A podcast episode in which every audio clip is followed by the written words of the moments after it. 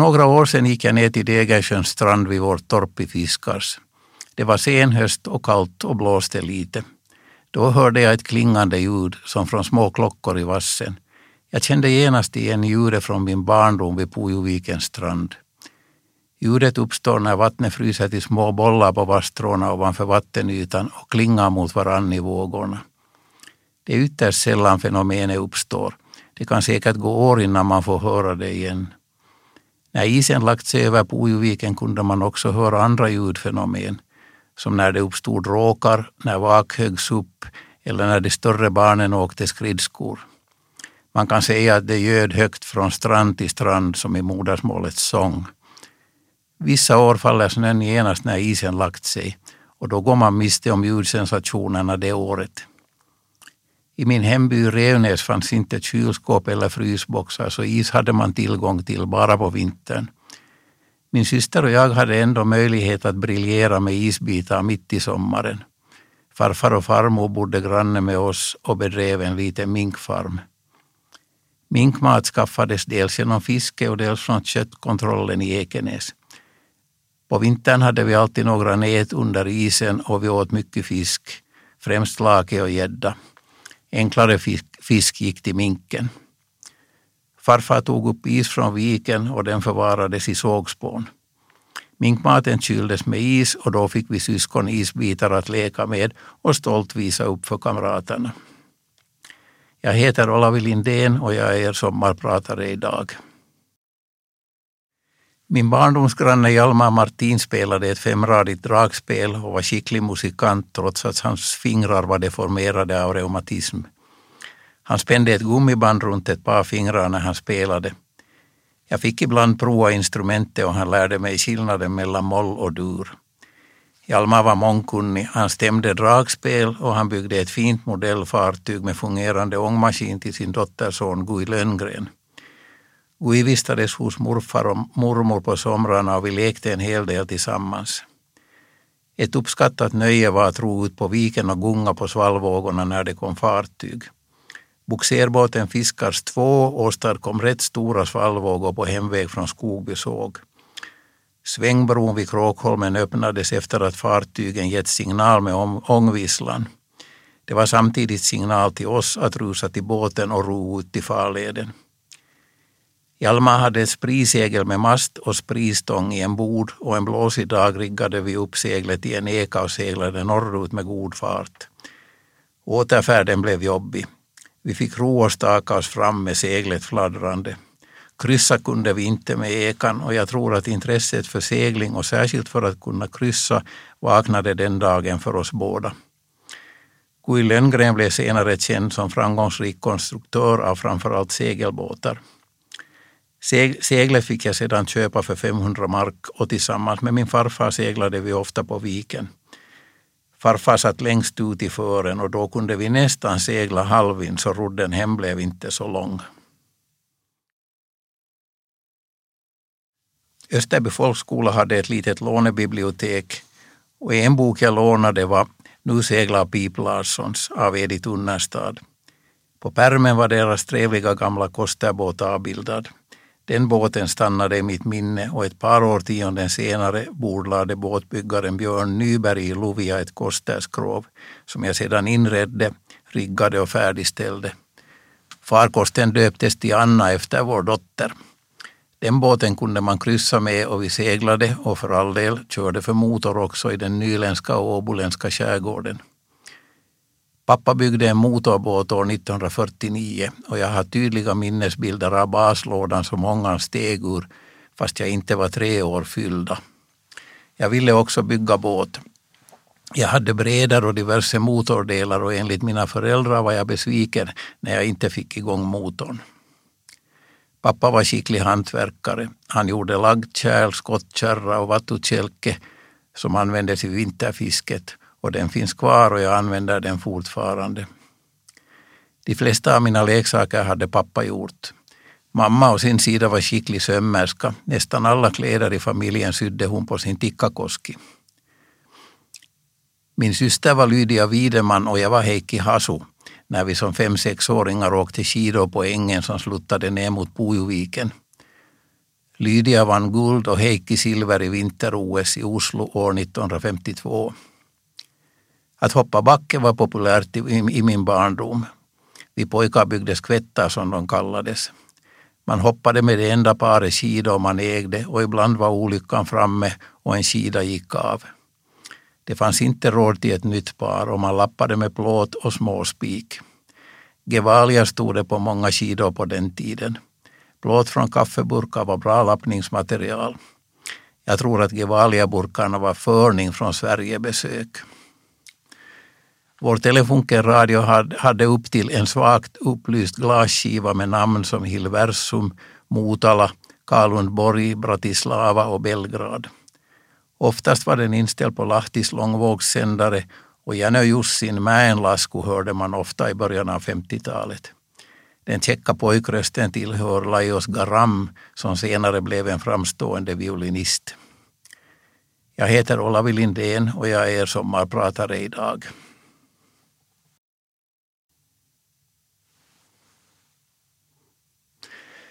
År 1963 byggde några pojkar i Sköldagården hoppbacke med riktigt torn. Initiativet togs av Hasse Silander som hade sett ut ett lämpligt stup för underbacken. Jag blev också intresserad men att hoppa med vanliga terrängskidor var inte att tänka på. Tillsammans med min kamrat Hans Peter tillverkade vi ett par breda björkskidor. När vi den vintern deltog i skolmästerskapen i backhoppning i Fiskars arrangerades hoppföljden så att vi kunde använda vårt gemensamma skidpar turvis. En större backe byggdes sen till följande säsong och nästan alla Österbypojkar provade på backhoppning. Sporten utövades i ett tiotal år och några av pojkarna blev riktigt duktiga hoppare med fin aerodynamisk stil. Det arrangerades Österby Fiskars backvecka många år i följd. Det fanns många backar att hoppa i på den tiden, särskilt i Pujo Fiskars. Fiskars var ju ett centrum för backhoppning i flera decennier. Hoppbackens tillkomst är ett fint exempel på dels spontan och dels organiserad verksamhet. Backen ritades av byggmästaren August Bäcklund från Fiskars och det 15 meter höga tornet hade vi pojkar knappast kunnat resa utan ett antal fäder som var timmermän och deltog i talkoarbete på söndagarna, på den tiden den enda lediga dagen i veckan. De visste hur man reste tre konstruktioner på höjden. Om jag minns rätt innehas backrekordet av Håkan Sundström som på tävling hoppat 32 meter. De största backar vi tävlade i medgav hopp på 60-70 meter. Att flyga ut i luften är en säregen upplevelse. Man är som i en tunnel, man ser inget först och man gör allt på instinkt. Matti Nykänen beskrev känslan träffande. På frågan hur uthoppet känns svarade han att han inte vet. Innan jag somnar går jag ibland fortfarande genom hoppet skede för skede, fast numera har jag övergått till V-stilen.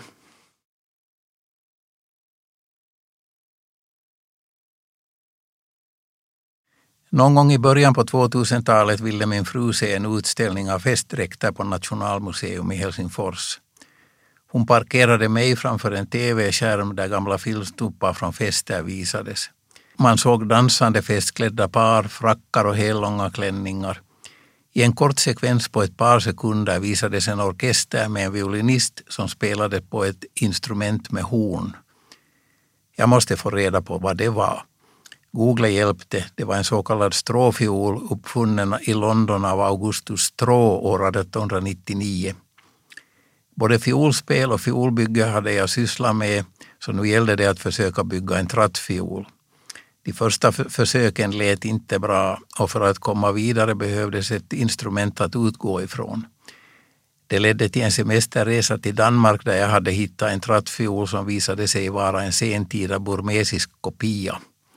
Den lät inte heller övertygande men ett ursprungligt stråinstrument att köpa fanns i London. Det blev med andra ord en vintersemesterresa till London. Min son deltog i utvecklingsarbetet och vi gjorde ett stort antal provinstrument. I den slutliga formen använde vi förutom trä moderna material, kevlar och kolfiber. Trattinstrumenten har högre ljudvolym än traditionella stråkinstrument. En trattfiol motsvarar ungefär fyra fioler. Instrumentet liknar inte en fiol och det har varit intressant att se hur olika musiker upplever det. På den klassiska sidan har man ofta ruskat på huvudet och inte ens velat prova. Kanske så att kvinnor har varit öppnare. De första instrumenten vi sålde gick till kvinnor. Kanske det beror på att vi män är mer ängsliga för att avvika från konventioner än kvinnor. Så småningom fick vi till stånd en kvartett fioler, altfiol och cello. För en sommarutställning byggde vi sedan en bas med stor tratt, två meter i diameter. Det stora hornet är ju inte så lätt att transportera men det har spelats i Hagalund, i Lahtis och på Kuhmo kammarmusikfestival. Där spelade en sjumannaensemble med Pekka Kuusisto som solist. Sen har det stora bashornet hängt i en lada i Fiskars.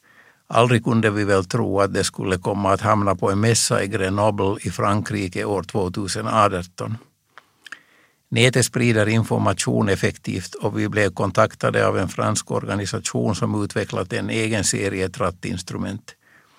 De hade blivit inbjudna till ett tvärvetenskapligt forum som strävar efter att sammanföra vetenskap och konst. En vecka i Grenoble med intresserad publik och en konsert med alla de olika trattinstrumenten blev en upplevelse att minnas. Vår avdelning delades också av en engelsk expert som specialiserat sig på tidiga musikinspelningar.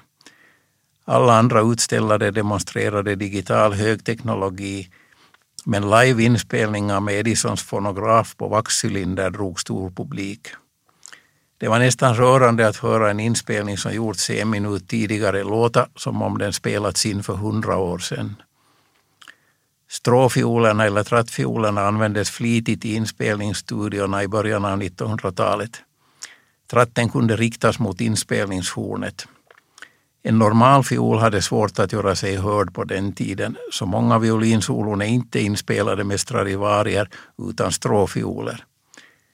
Det talade man inte om för publiken, man antog att en del av charmen och mystiken hade gått förlorad.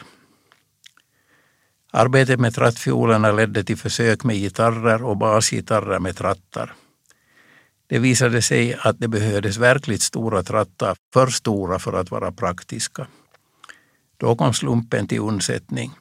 Sökordet resonans på Google ledde till ett inbyggt resonanssystem som resulterade i en utmärkt akustisk basgitarr med en klang som påminner om kontrabasen. Men inte genast, först efter kanske 50 provinstrument. Basgitarren fick pris på musikmässan i Frankfurt år 2009. Det var den amerikanska tidskriften Base Gear Magazine som delade ut det. Vi har senare lyckats både förenkla och förbättra instrumentet. Men en sak har vi lärt oss.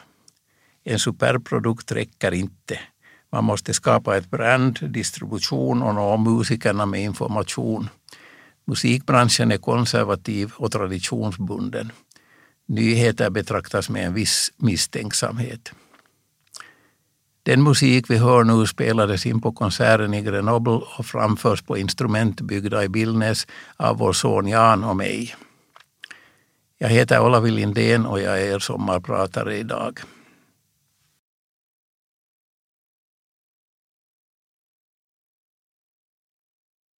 En annan granne i barndomens Revnäs hette också Hjalmar, Hjalmar Sandblom.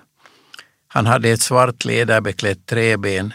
Som sjöman hade han haft oturen att somna på järnvägsrälsen i USA. Läkaren hade enligt Hjalmar sagt att fel ända låg över rälsen. Han var mycket skicklig snidare. Han tällde boxare som stod i en ring. Han hade knappast andra verktyg än sågkniv och yxa. Han gjorde också imponerande halvmodeller av fullriggare med skummande vågor och allt.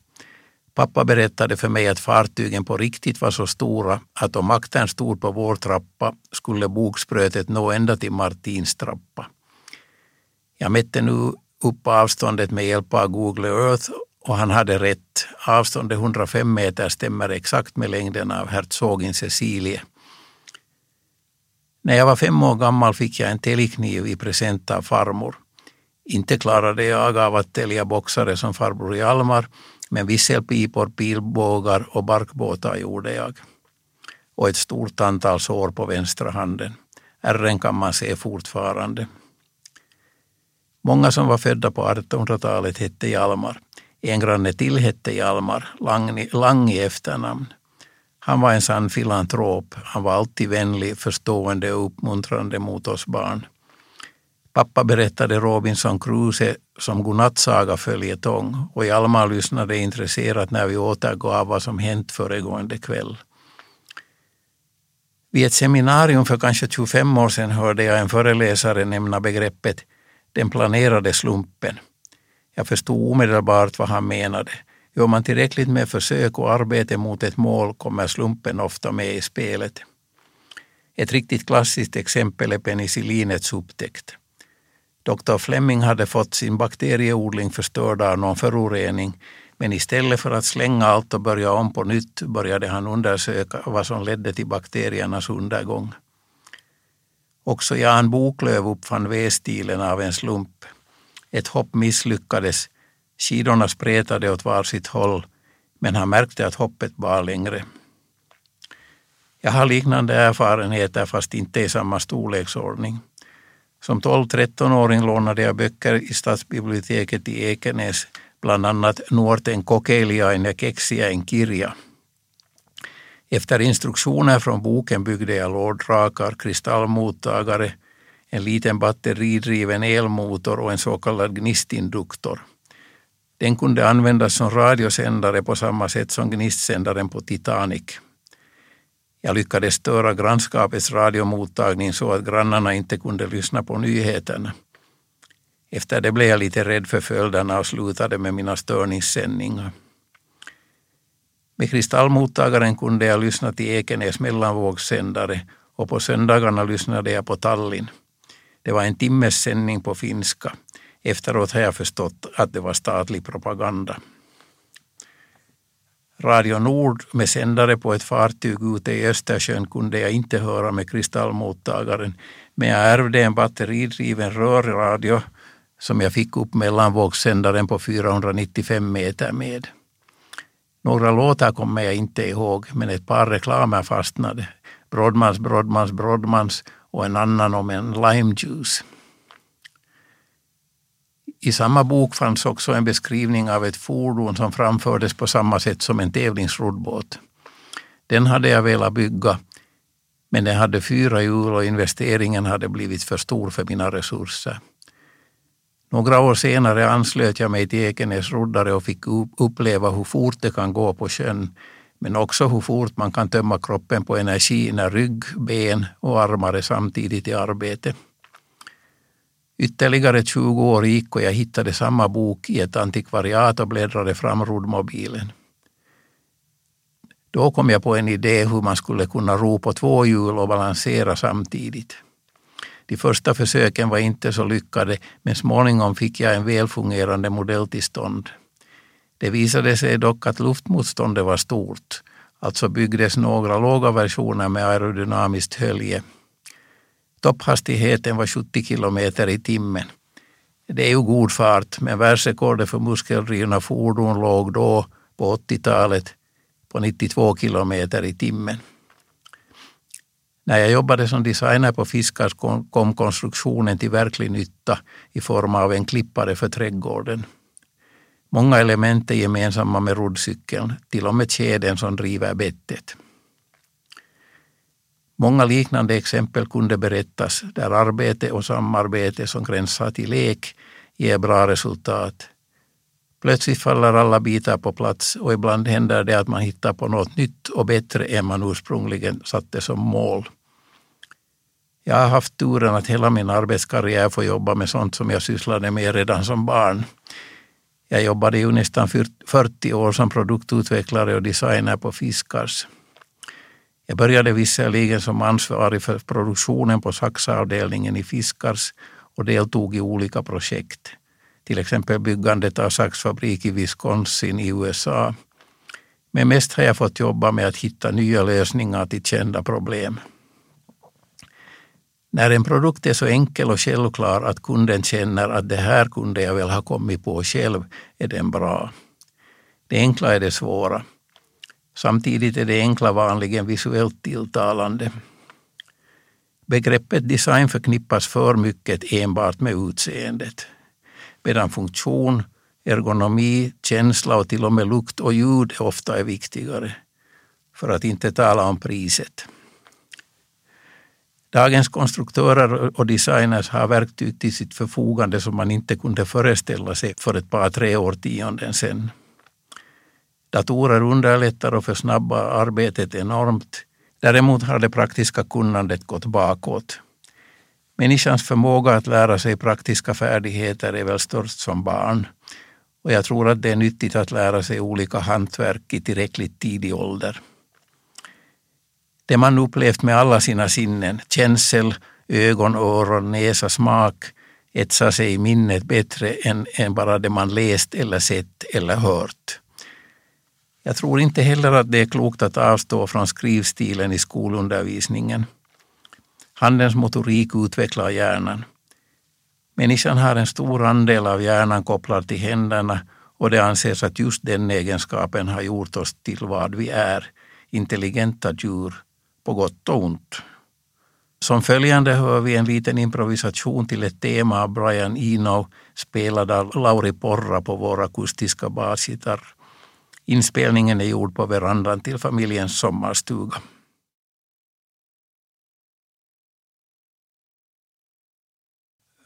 Företagsledare föreställer sig gärna att allting som görs och leder till resultat är följden av rationell planering, men sanningen är ofta en annan. Ett nytt digitalt fenomen presenterades under mässan i Grenoble av en japan som hade gjort en felkoppling. Han hade på något sätt kopplat samman den visuella sidan och ljudet i sin anläggning och märkt att hans randiga skjorta fungerade som ett stroboskop. Skjortan gav en viss tonhöjd och när han rörde sig sjönk eller steg tonen. Han gjorde en uppskattad demonstration när han spelade temat till Beethovens nionde symfoni med ett antal danssteg. Många ville prova och fick kanske mera motion än musik till stånd. Men övning ger färdighet. Farfar köpte en fiol åt mig när jag var tio år. Jag har sedan haft turen att få lektioner och lära mig tillräckligt för att spela i olika orkestrar. Jag spelade i mer än 20 år i Lojo-orkester och fick vara med om en stor del av den klassiska repertoaren. Jag har också haft förmånen att få spela i Boulevardens kammarmusiksällskap som spelar i varierande sammansättningar. De lokala orkestrarna Karis Billnäs orkesterförening och Ekenäs orkesterförening har tyvärr somnat in. Under 60-70-talen spelade jag först i Ekenäs och sen i Karis. Min fiol behövde repareras år 1958 så jag förde den till Stani Bohuslavek i Ekenäs. Han var fiolbyggare och kom från Innsbruck i Österrike. Atmosfären i hans verkstad gjorde djupt intryck på mig och när jag tio år senare praktiserade på Wärtsilä gjuteri i Jakobstad kom jag i kontakt med modellsnickaren Sigurd Sederberg som hade byggt ett antal fioler. Siderberg tror jag att man sa i Jakobstad. Han hjälpte mig att tillverka små hyvlar och andra verktyg. Under den sommaren byggde jag min första fiol och sen har det blivit kanske ett 70-tal stråkinstrument. Stanislav, som hans eh, fullständiga förnamn löd, var konsertmästare i Ekenäs orkesterförening trots att han förlorat sitt vänstra pekfinger i en arbetsolycka. Han hade utvecklat ett eget system för lägesbyte och var en skicklig violinist trots sitt handikapp. Som yngre beundrar man kanske mest skicklighet, virtuositet. Men förmågan att nå fram, beröra lyssnaren är kanske den svåraste att uppnå. Kanske det delvis är en medfödd egenskap. Den svenska sångerskan och frälsningssoldaten Anna-Lisa Öst, eller Lapp-Lisa som hon kallades, nådde åhöraren.